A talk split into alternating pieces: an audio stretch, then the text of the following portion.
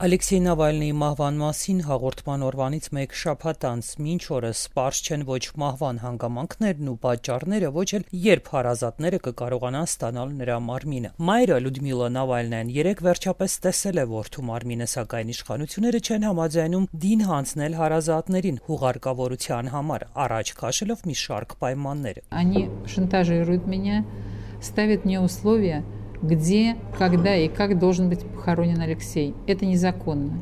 Նրանք սպառնում են ինձ, պայմաններ են դնում, որտեղ, երբ եւ ինչպես պետք է հուղարկավորվի Ալեքսեյը։ Իմ ներկայությամբ նրանք ինչ որ հրահանգներ են ստանում կամ Կրեմլից կամ քնչական կոմիտեից։ Նրանք ուզում են, որ Ալեքսեյը հուղարկավորվի գախնի, որ դուք նրան հրաժեշտ տալու հնարավորություն չունենաք։ Ես դրան համաձայն չեմ։ Ես այս տեսաուղերձը ձայնագրում եմ, քանի որ նրանք սկսել են ինձ ուղակի սպառնալ, թե ինչ որ բան կանեն Ալեքսեյի մարմնի հետ։ Քննիչ Վարապաևը պարզապես ասել է. ժամանակը ձեր դեմ է, դիակը քայքայվում է։ Следователь Воропаев открыто мне сказал, время работает не на вас, труп разлагается. Նավալնիի մոտ այս տեսագրությունից հետո բողոքի ձայն բարձրացրեցին ռուսաստանցի հայտնի գործիչները գրող Միխայել Զիգարը երաժիշտ Նոյզի MC-ին պատմաբան Տամարա Էյդելմանը երաժիշտ Անդրեյ Մակարևիչը դերասանուհի Տատյանա Լազարևան եւ շատ ուրիշներ Նոբելյան մրցանակի դափնեկիր Նովայա գազետայի գլխավոր խմբագիր Դմիտրի Մուրատովն իր տեսաուղերձում պահանջում է իշխանություններից հանձնել Նավալնիի մարմինը Неловко говорить об этом стране которая себя считает пока еще христианской. Դժվար է այս մասին խոսել մի երկրում, որն իրեն դեռ քրիստոնեական է համարում։ Պարզապես տվեք Լյուդմիլա Իվանովնային իր որդուն։ Просто отдайте Людмиле Ивановне ее сына. Արձակագիր Վիկտոր Շենդերովիչը պնդում է, թե Պուտինը այսօր էլ վախենում է Նավալնիից։ Путин боялся Навального много лет при его жизни.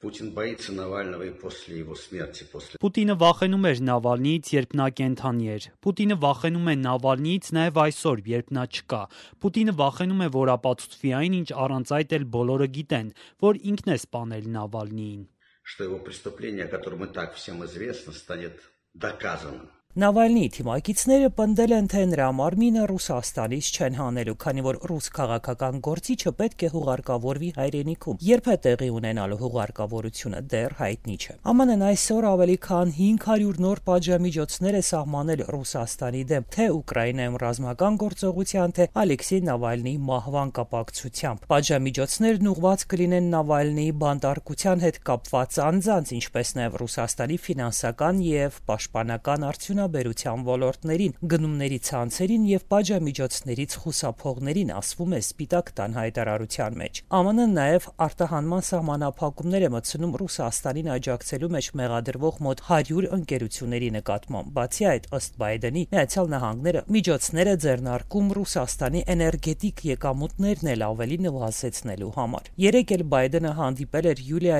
եւ Դարիա Նավալնիների հետ եւ կրկին շեշտել, որ Պուտինն է պատասխանատու 40 47-ամյա անդիմախոսի մահվան համար։ Միացյալ Նահանգների նախագահը նաև ընդգծել է Յուլիա Նավալնայան շարունակելու է ամուսնու գործը։ Մենք չենք հանձնվում, գրել է Ջո Բայդենը։ Պուտինը Նավալնու մահը մինչ այս պահը չի մեկնաբանել, իսկ նրա խոսնակը ասել էր, թե նրա դին հանձնելու հարցը Կրեմլի գործը չէ։ Մահվան զեկույցում նշվում է, որ քաղաքական գործիչը մահացել է բնական մահով, ասել է նրա մամուլի քարտուղար Կիրա Յարմուշը։ Պնդում, որ ինչ են հավատում ոչ հարազատները, ոչ էլ աջակիցները Ռուսաստանում եւ Արևմուտքում։ Ազաբաբայան, Ազատություն, ռադիո Կայան։